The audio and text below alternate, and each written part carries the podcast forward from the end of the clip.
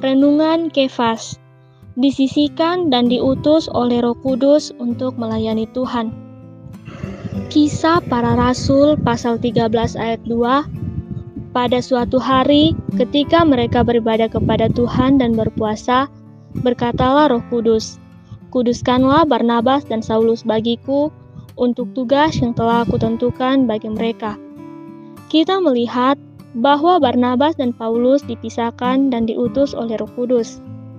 Ini adalah langkah besar Tuhan untuk memperluas Injil kerajaannya ke dunia orang kafir. Perluasan ini dimulai dari Antioquia, pusat orang kafir di Syria. Melalui ibadah dan berpuasa, mereka memberikan kesempatan kepada kepala gereja yang adalah roh itu untuk memisahkan mereka guna melaksanakan kerajaannya, yaitu mendirikan gerejanya di dunia orang kafir melalui pemberitaan Injilnya. Nabi-nabi dan pengajar-pengajar ini tidak berunding dengan manusia dan berorganisasi, melainkan mereka melayani Tuhan dan berpuasa. Sewaktu mereka melayani Tuhan dengan cara ini, Tuhan sebagai roh itu datang dan berbicara kepada mereka. Khususkanlah Barnabas dan Saulus bagiku untuk tugas yang telah kutentukan bagi mereka. Ini menunjukkan bahwa di sini Roh Kudus adalah Tuhan. Dalam kisah para rasul pasal 13 ayat 2, kita memiliki Tuhan, Roh Kudus, dan aku. Siapakah aku ini?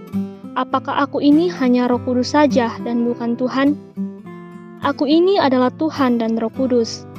Karena itu, kita tidak boleh menganggap bahwa Roh Kudus itu terpisah dari Tuhan. Sobat Kefas, maukah kita dipisahkan untuk melayani Tuhan? Kita harus belajar tidak terpisah dengan rekan-rekan Kristen kita.